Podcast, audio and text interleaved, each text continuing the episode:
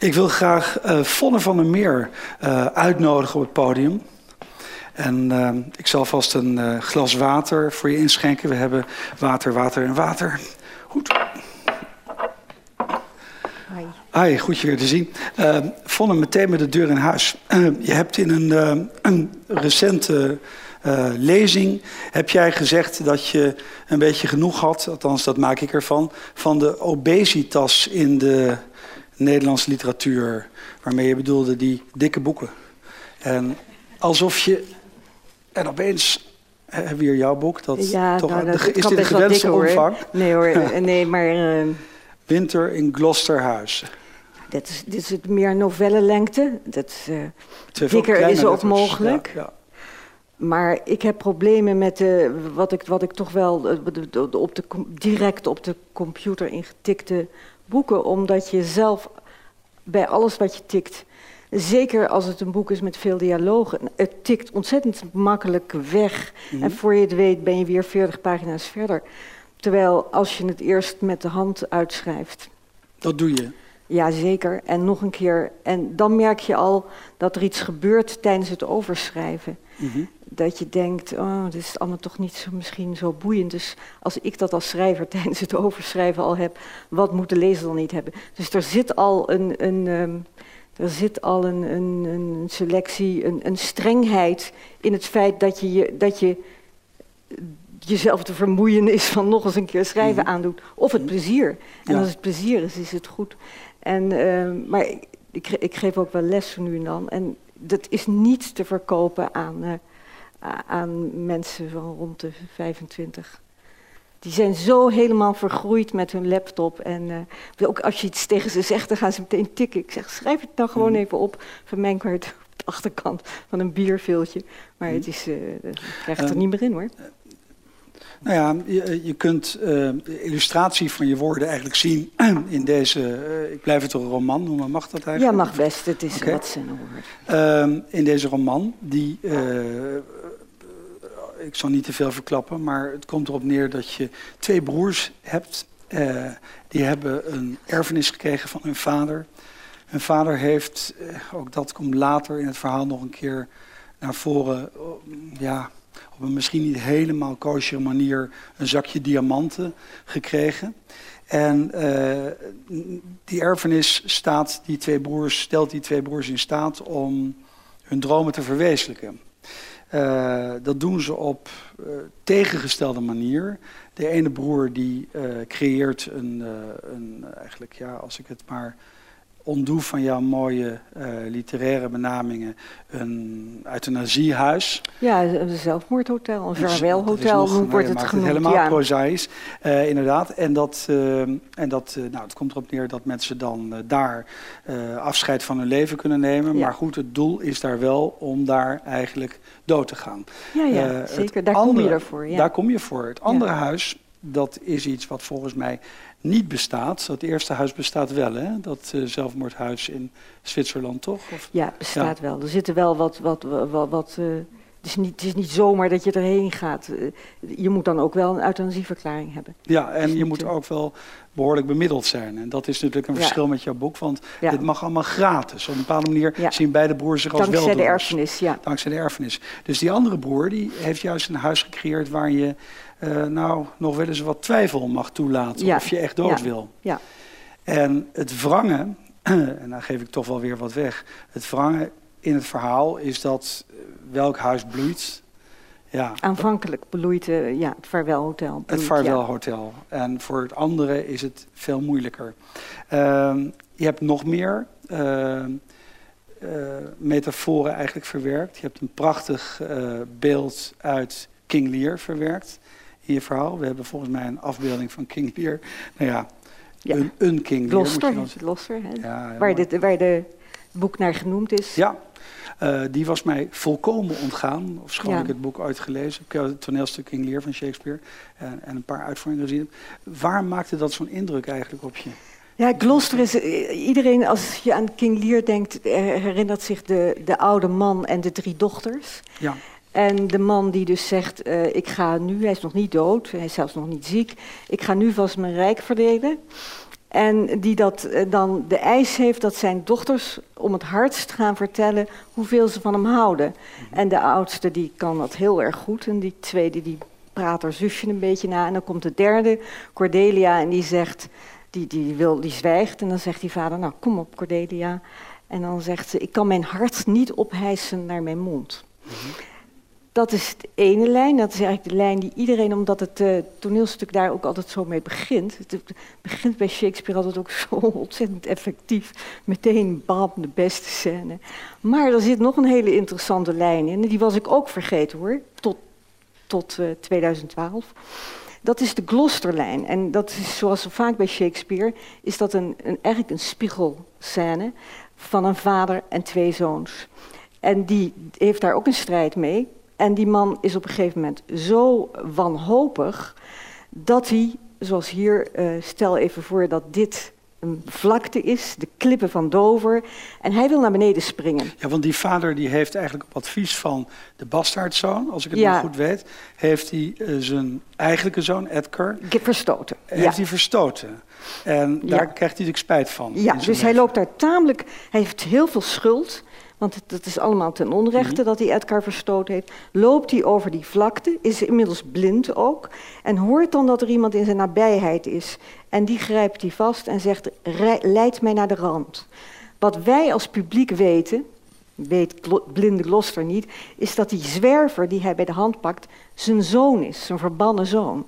Nou, die zoon gaat natuurlijk nooit de vader bij de hand nemen en laten springen. Dus wat doet die zoon? En dat kan ook eigenlijk alleen maar op toneel, is um, zeggen, ja, we zijn er, we zijn er hier, hier zijn we, niet daar, we zijn er, spring maar. En dan struikelt die vader, maar eigenlijk alsof hij over een, over een steentje struikelt. Hij valt niet echt diep, hij valt zoals ik nu zou vallen. Mm -hmm. En dan gaat Edgar nog verder met zijn toneelspel en doet alsof die man van grote hoogte of hij hem heeft zien vallen. Oh, ben jij gevallen? Zegt, het is een wonder dat je nog leeft. Nou, en dan mag het dus op het toneel mag het dan heel snel gaan. Mm -hmm. Dat die oude man bijdraait en zegt, nou ja, als ik dit dan overleef en al mijn botten zijn nog niet gebroken, dan laat ik dan de ellende nog maar verdragen tot mm -hmm. zij zelf zegt, het is genoeg. Ja. Ja, en dat, die scène zag ik. En daar was ik helemaal van stuk van.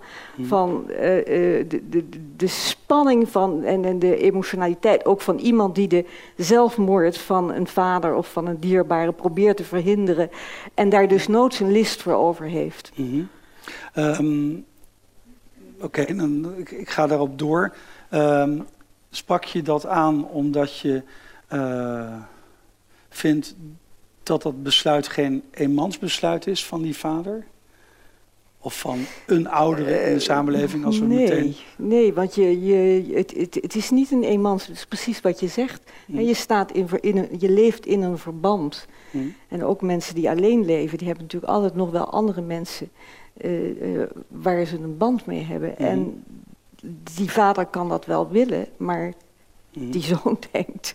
Mm. Het leven is nog niet af voor hem. En, en, dat, heeft daar... en, en, precies dat, de, de medemens biedt eigenlijk het, nou laat ik het dan maar het positieve hotel noemen, waar mensen nog een kans ja, Gloucester, krijgen. Gloucesterhuis is dus eigenlijk, dus wat, wat er gebeurt in het toneelstuk bij Shakespeare, is dat Gloucester een tweede kans ja. krijgt. Hè? Uh, nadat hij denkt dat hij, ja. dat hij dood is, uh, krijgt hij een tweede kans. En dat is precies wat er in Gloucesterhuis ook gebeurt. En dat kan natuurlijk eigenlijk ook eenmaal. Een, een, een vrouw die in het Vaarwelhotel aan de ene kant van het meer is begonnen, maar waarvan de jongste broer oudste broer ook wel een beetje denkt... we zijn niet helemaal zeker of dit wel echt uh, uh, nou zo nodig was... en of ze niet uh, om de verkeerde motieven daar terecht is gekomen. Want het gevaar is natuurlijk ook als je in zo'n vaarwelhotel zit... dat je, omdat het nou eenmaal daarop ingesteld is... omdat ja. mensen dat allemaal voor je regelen... dat je denkt, ja, misschien heb ik nog wel zin om wat te leven... maar ik kan ze niet teleurstellen. Ik moet nu toch wel zij zien haar aarzelingen. Ja. Zij, zij, zij, zij, zij zien haar aarzelingen. Ja. En, en, en met name Arthur, de jongste broer... is als psychiater daar ook wel ja, op, op, op, op getraind... om daar, op de, uh, daar naar te kijken, om daar de signalen van op te vangen... Mm -hmm. En dan doen ze iets wat natuurlijk volstrekt. Uh, um, ja, het is, even, het is nog, eigenlijk nog krankzinniger dan bij, bij Shakespeare. Ze ontvoeren haar en ze wordt mm -hmm. wakker aan de overkant. Mm -hmm. Ze doen het ook maar één keer. want Je kan dat natuurlijk ook maar één keer. Ondanks dat gebrek aan, eh, aan literaire obesitas, zoals je het noemde, en, het, eh, en, de, en de toch strenge compositie, trakteer je ons eigenlijk ook op iets dat we van je kennen uit je eerdere werk. Dat, en dat zijn een heleboel verhalen. Ja. Dat is een mozaïek aan verhalen. Een van de meest aangrijpende verhalen vond ik die oude mevrouw. En ik wou je vragen of je dat stukje zou willen voorlezen over die tafel. Ja, nou misschien iets meer uitleggen. Ik zal dat doen even.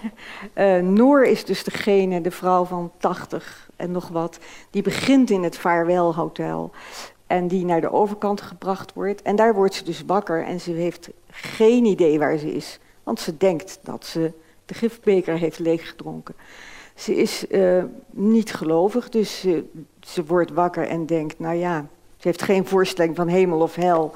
Maar ze vindt het er wel prettig en ze denkt, nou dan zal dit dus wel de hemel zijn. En dan komt ze mensen tegen en um, een van de mensen die ze tegenkomt is ene Eve. En die biedt aan om haar portret te schilderen. En ze, ze krijgt op zo'n manier aandacht van Eve, zoals ze die lange tijd niet gehad heeft, dat het er ook een beetje begint te duizelen. En um, dan gebeurt het volgende heeft ze de volgende herinnering. Eve zegt dan, als ik u schilder, leren we elkaar vanzelf kennen. Ik zoek een motel en u heeft een bijzonder gezicht. Mooie handen ook, dat viel me meteen op. Ik zou het een eer vinden als u voor me wilt poseren. Noor klemde haar lippen op elkaar en keek naar de vloer. Ze voelde een pijnscheut in haar rechterslaap. Het werd haar even te veel, al die aandacht. Waarom wist ze niet, maar ineens wilde ze vertellen wat haar overkomen was op Koningsdag, een jaar geleden. Maar ze herinnerde het zich als of het gisteren was. De tiende alweer, een kroonjaar. Het werd uitbundig gevierd. Op het plein bij de vroegere bibliotheek had ze een mokka-ijsje gekocht en daar was ze mee aan een tafeltje gaan zitten. Er waren nog drie stoelen vrij. Toen er een jonge vrouw naar haar toe kwam en vroeg of die stoel vrij was, had ze gretig geknikt. Ja, natuurlijk, gaat u zitten. Maar die vrouw nam de stoel mee naar een tafel een eind verderop. En dat gebeurde nog eens. En later nog een keer, tot er geen stoel meer over was. Eve knikte. Ik likte verder aan mijn ijsje, voorzichtig om niet te morsen op mijn jasje, toen een man zich over mijn tafeltje heen naar me toe boog. Ik schrok van zijn gezicht zo dichtbij. Gebruikt u deze tafel? vroeg hij. Er lag alleen een servetje op, ik wilde geen nee zeggen. Zijn grote handen klemden zich al om de rand. Mijn stok viel op de grond en daar ging mijn plastic tafel de lucht in. Hij had gelijk. Ik had die tafel niet echt nodig.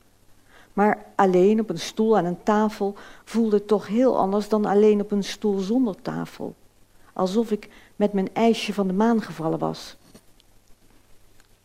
Toen ze weer thuis was, had ze besloten alleen nog naar buiten te gaan als het niet anders kon. Maar dat hield ze voor zich. Daar wilde ze Eve niet mee lastigvallen. Die had al zo lang staan luisteren, zonder enig teken van ongeduld. Um, het beeld van een uh, tafel die wordt weggehaald, dat is natuurlijk heel brusk en schokkend. Hè?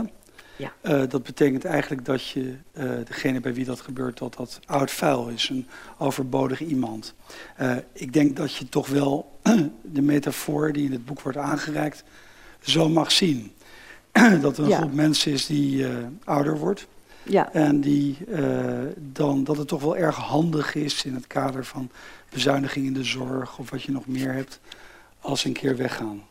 nou ja, die mensen, de, de, de, de mensen krijgen wel al die signalen. Hè? Eh, als de politiek, eh, ehm, als wij ook, eh, ehm, als er zowel eh, eh, verzorgingshuizen worden gesloten, als ook op de thuiszorg gekort wordt, als ook, en dat is dan de laatste ronde, eh, de, op de ho- hospices beknot wordt. Ja, Mhm.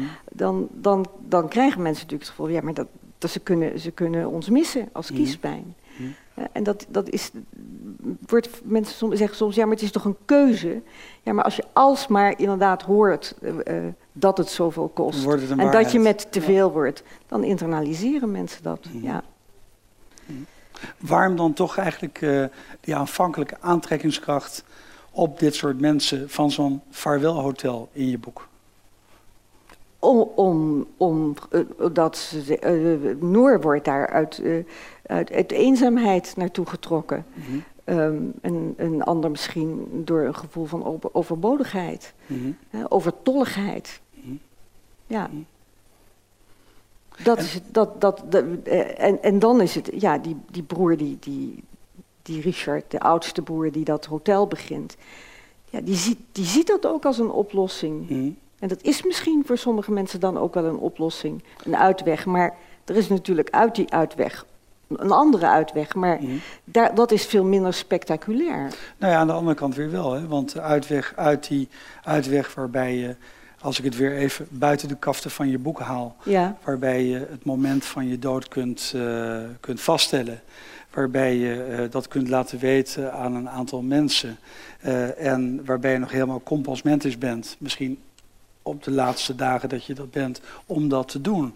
Eh, ja, dat is een uitweg. Maar wat is de andere uitweg als je dan toch doorgaat? Dat is een ongewisse uitweg. Ja. Je weet ook niet wat het gaat brengen. nee, Het kan verrassing zijn als je het positief ziet. ja. Dat is natuurlijk een moeilijker avontuur. Ja, het is niet? een moeilijker av- avontuur, maar misschien ook wel een avontuur. Kijk, ik heb wel een- paar, een paar eh, ziekbedden van, van familieleden meegemaakt. En wat me vooral opgevallen is, is dat je er niks over kunt zeggen. Mhm. En dat het altijd veel onvoorspelbaarder is. En dat het toch ook vaak de angst, eh, de angst is die eh, de wens ehm, ingeeft om het allemaal te, te willen beheersen. Mhm. Dus het allemaal van tevoren al, al, al beslissen. Mhm. Dus ehm, we hebben natuurlijk in Nederland een euthanasiewet. Ja. We hebben, eh, zoals dat meen ik heet, palliatieve zorg die Ja, wat beter geworden is. ja gelukkig wel, ja. Ehm, En toch merk je dat er een soort appel is op deze grijze hoofden om ja.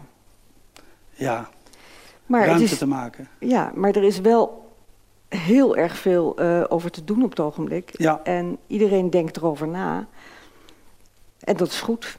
Dus het is, toen ik het boek schreef, had ik heel erg een gevoel van... eh, die, eh, de, de roep om het vaarwelhotel, Mhm. zal ik maar zeggen, wordt steeds dominanter. En, en, en, en, en daar verzet ik me tegen. Daar wil ik een stem tegenin laten klinken. Ik wil allebei die stemmen laten Mhm. klinken. Dat doe ik ook in Mhm. het boek. Richard eh, eh, komt ook uitgebreid aan bod. En we begrijpen zijn motieven ook. Begrijpen Richard ook. Mhm. Ik begrijp het soms zelf ook heel goed. Mhm. Dat je denkt, ah, dat getop en dat gezeur, Mhm. het moet toch gewoon kunnen. ja. Ehm, Je hebt een, eh, dat vergeten we te zeggen eigenlijk. Ehm, je hebt een toekomstroman gemaakt. ja, Dit speelt in een tijd dat Willem-Alexander tien jaar op de troon tien jaar op de troon is en Amalia een minnaar heeft. Het- vri- ja, een vriendje. Een vriend. Eh, nou, dat kan natuurlijk, daar zullen we geen vraag over stellen in dit verband. Ehm, heb je dat vooruitgeschoven in de tijd omdat je het ook een schrikbeeld vindt dat dit soort dingen zo kan gebeuren? Nou, ik dacht, ik wil, ik wil niet dat er, dat er gezeurd wordt over dat kan nog niet of dat is nog niet. En toen het boek uitkwam, toen kwam vlak daarna dat eh, rapport uit van de commissie Schnabel. Ik wist helemaal niet dat op dat moment dat daar eh, aan gewerkt werd. Ik, ik wist natuurlijk wel de hele ja. discussie, want die volg ik al al twintig jaar en daar knip ik al twintig jaar dingen over uit. Dus in die zin ehm, verraste het me niet. Maar dat rapport, dat wist ik niet. Eh, maar ik ben blij dat ik het zo gedaan heb. Hè? Mhm. Ik bedoel, de uitkomst van die commissie Schnabel was ook anders dan verwacht was. Mhm. Dus ik ben, ik ben blij dat ik het tien jaar van nu gezet. Maar toen Mhm. ik het grappige was, toen het boek net uit was in oktober, werd ik er een paar keer achter elkaar over geïnterviewd. En toen zei, ehm, de- wat ik dan in het boek de Klaar met Leven wet noem, toen zei iedereen die me interviewde, zeiden, nou ja goed, het is leuk dat u het boek geschreven hebt, maar die wet komt er doorheen. Dat wist iedereen zo zeker. Iedereen wist ook zo zeker, er komt een verdwijnpil, zoals het in het boek heet. En dat ligt toch anders. Mhm. Ja, Ehm, je hebt dus woorden gesteld eigenlijk tegen woorden die funest kunnen uitpakken. Dat, Ja. je het zo zeggen? ja. ja. Dat, ehm, En, en, en ook een huis gebouwd in wezen. ja, Eh, een eh, huis, eh, waarin, een huis waarin ook eerdere huisgenoten welkom zijn. Hè? Want dat is ook het opvallende aan dit boek. Leo kom je tegen. Uit Andere personages uit andere gasten, boeken, ja. Pablo. Ja. Eh, je komt nog even iemand tegen, want die ben ik eh, de voorlezer uit De Vrouw met de Sleutel, Nettie, die werkte ook in het, in Mhm. het Klosterhuis. Waarom wilde je die weer ontmoeten? Ehm, het begon met dat ik dacht, wie werken er, wie werken er in Gloucesterhuis? En toen dacht ik, nou, ik wil er eigenlijk wel een voorlezer. Toen dacht ik, hé, hey, die heb ik al. Ik heb er al een boek over geschreven. Mhm. En wat zou ze nu doen? En hoe oud zou ze nu zijn? En is ze niet eens aan een andere baan toe? En zo kwam ze in uh, Gloucesterhuis terecht. En daar paste ze heel goed. Maar zij bracht weer ook weer oude verhalen van oudere personages mee in het boek. Mhm. En toen dacht ik ineens, ja, maar ik vind het eigenlijk ook wel mooi om sommige personages een tweede kans te geven. Hè? Zoals Klosterhuis in wezen een tweede kanshuis is, waar je je, je, ja, je kunt iemand natuurlijk niet zijn levensvreugde teruggeven, maar je kunt wel omstandigheden schapen mhm. waarin het weer heel langzaam kan groeien. En dat gebeurt in Klosterhuis. Want ja, ik vind het eigenlijk ook wel mooi als in dit boek dan oudere personages die mijn lezers vergeten zijn, weer even opgloeien. Mhm. Toen wij elkaar uh, spraken, dat is alweer lang geleden. Ja. Jij wist uit je hoofd, en ik bewonder dat zeer, dat je dat precies toch helemaal wist wanneer dat was, 2009, ja. zei je, uh, voor een interview in Vrij Nederland. En toen hebben wij gesproken over dat je eigenlijk vanaf het moment dat je uh, dat bekend werd dat je gelovig bent, ja. katholiek, dat je toch ook wel anders behandeld werd. Ehm, nu heb ik voor dit gesprek wat recensies zitten bekijken. Ik dacht, laat ik eens kijken of dat nog steeds zo is. Nou, er zijn recensies uit uh, de Volkskrant, maar ook heel veel uit Reformatorisch Dagblad, Nederlands Dagblad, meen ik. Dus vrij veel kranten met ja, ik heb, er, eh, ik heb er een publiek bij, ja. Je hebt er een publiek bij, ja, ja. Um, maar toen wij elkaar spraken, toen eh, vond je het ook, eh, ja, ook wel zoiets dat, uh, dat er een aantal recensenten gingen meesmuilen. vervelend gingen doen over ehm, nou ja, de geloofskant, laat ik het zo ja, zeggen. Ja. is dat minder geworden sinds die tijd? Um, nou ja, we zijn er natuurlijk wel aan gewend inmiddels. Ja. het is ook wel heel lang geleden. Ja. bij mij. Ja. Um, Ach ja, nee, ik vind niet dat ik, ik, vind niet dat ik weggezet word. Mhm. Ik vind niet dat ik weggezet word. Uh, zo van, uh, we, we, we, kunnen het niet serieus nemen, want het is door een, uh, een schrijfster geschreven die gelooft. Nee, ja. dat, dat, dat, geloof ik niet. Dat, dat is niet zo. Nee, dat, dat kan ik niet. Ik heb er wel een, een hele grote groep, grote bij. groep niet, maar lezers bijgekregen. Ik vraag het natuurlijk ook omdat een boek als dit, ja. En ook eerdere boeken van je, waar je grote maatschappelijke onderwerpen eigenlijk via een parabel, een metafoor, uh, een verhaal, fictie op de kaart zet. Uh, dat lokt eigenlijk een tweeledige re reactie uit. Dat lokt natuurlijk een, een, literaire kritiek uit, maar tegelijkertijd lijkt het toch ook wel of je uh, een antwoord wilt uit de samenleving. Ja. En... Ja, nou, het, het, speelt, maar het speelt, het geloof speelt in dit, in dit boek niet een rol. Dat had ik ook heel. Uh, ik vond het niet nodig. Ik, ik, ik, ik heb geen programma. Ik, het is niet zo dat als ik een boek ga schrijven, dat ik zeg, nou, het, het moet erin of zo. Ik mhm. hou de mogelijkheid open hè, dat een personage gelooft. Of mm. met een geloof vecht. Of mm. het daar moeilijk mee heeft. Of tot geloof komt. Of, dat mm. hou ik allemaal open. Maar het is niet zo dat ik dat van tevoren beslis dat ik dat iedere keer moet doen. Dat ga ik niet van mezelf eisen. Ik was pas 42. Uh, toen ik uh, gedoopt werd. Mm. Dus ik heb 42 jaar ervaring en misschien ook wel de meest vormende ervaring gehad in een uh, agnostisch milieu.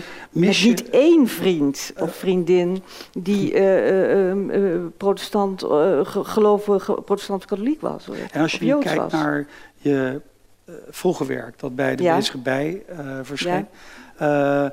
Kijk je dan naar die verhalen, naar dat proza, als iets waarin iets ontbreekt? Als je het hele oeuvre zo beziet? Nee, voor mij is er geen waterscheiding, want ik was, was eigenlijk altijd op zoek naar mijn verhalen, uh, naar het moment dat een personage, uh, dat, er, dat er iets verandert. Mm -hmm. dat, was, dat was al bij mijn eerste verhalenbundel zo, is het altijd iets dat iemand ergens als schrijvend of al denkend uh, uit probeert te komen. En het eindigt ook altijd met, met een moment van inzicht. Mm -hmm. Of al is het maar het inzicht dat hetgeen waarmee geworsteld wordt niet te begrijpen is. Mm -hmm. hè? Um, en, en dat, dat, is in wezen zo gebleven, behalve mm -hmm. dat er nu iets bijgekomen is. En dat ik, dat ik, waar, ik soms, waar ik soms iets mee doe in een verhaal, maar niet altijd. In, dit, in boek, dit boek speelt het geen rol, tenzij je zegt begrippen als vertrouwen en hoop. Maar dat zijn toch niet exclusief christelijke begrippen? Nee. Dus, eh, Ik heb net uh, Daan eigenlijk uh, gevraagd, Daan Heerman van Vos, die net aan de, uh, aan de, in gesprek was, om een fragment te kiezen. Jou heb ik net die keuze niet gegeven. Dus ik wou je toch vragen, kun je een fragment kiezen uit je boek dat je wilt voorlezen? Ja, ik kan, ik kan, ik kan ook nog wel een ander. Nu we het er toch hebben over. Um, het personage Noor is niet gelovig en denkt dus ook. weet niet waar ze terechtgekomen is. en heeft al helemaal niet veel associaties met hemel. Maar die vrouw die ze het eerst tegenkomt. die is zo bijzonder aandachtig. En ze heeft erg veel last van een soort plek op de rug waar ze niet meer bij kan. En Irma weet precies op de goede manier te krabbelen. En dan, dan denkt ze dat dit misschien dan toch wel een engel is. En dan heeft ze de volgende herinnering. Dit kon er best een zijn, een engel, die heldere oogopslag, de aandacht waarmee ze luisterde, haar zelfsprekende aanwezigheid niet opdringerig en hoe ze over haar rug had gekrapt, precies goed. Lang geleden had ze een zwart-wit film gezien waarin engelen voorkwamen die er ook als mensen uitzagen. Ze hadden geen vleugels en droegen ook geen vormeloze gewaden, maar lange witte regenjassen. Overdag dwaalden ze door Berlijn, over straten en pleinen, op zoek naar iemand die hulp nodig had. Soms zat zo'n engel in de bibliotheek om een student die moedeloos boven zijn scriptie hing, de gedachten in te fluisteren waar hij niet op kon komen. En als er ergens op straat een ongeluk gebeurde, snelde de engel er naartoe en nam het hoofd van de stervende in zijn schoot en streek door zijn haren. Zo zat hij daar, die onzichtbare trooster, om, zodra een voorbijganger de gewonde opmerkte, zijn plaats af te staan. Vooral dat beeld was haar bijgebleven, hoe een engel zijn taak overdroeg aan een toevallige voorbijganger.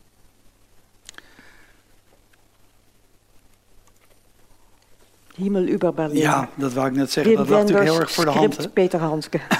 um, waarom dat? Um, nou ja, om, je had het over, jij sneed het onderwerp geloof aan. En dan zeg ik, het zit in dit boek niet. En het zit er dan op zo'n manier in, via dit beeld mm-hmm. hè, van die prachtige film. En die associatie die zij heeft, daarmee sluit ze het niet uit. Ze sluit niet mm-hmm. uit dat die Irma. Het is, een heel, het is tamelijk onbevangen, die vrouw. Dus misschien is het er een. Maar mensen kunnen natuurlijk ook heel goed de rol, hè, de voorbij, toevallige voorbijganger kan ook die troost bieden Mhm. die, waar zij het over heeft. En dat kennen we ook uit je eerdere werk. Ja. ja. Dank je wel. Oké. Oké. Is het alweer zover? Ja. Oké. Oké. Nou.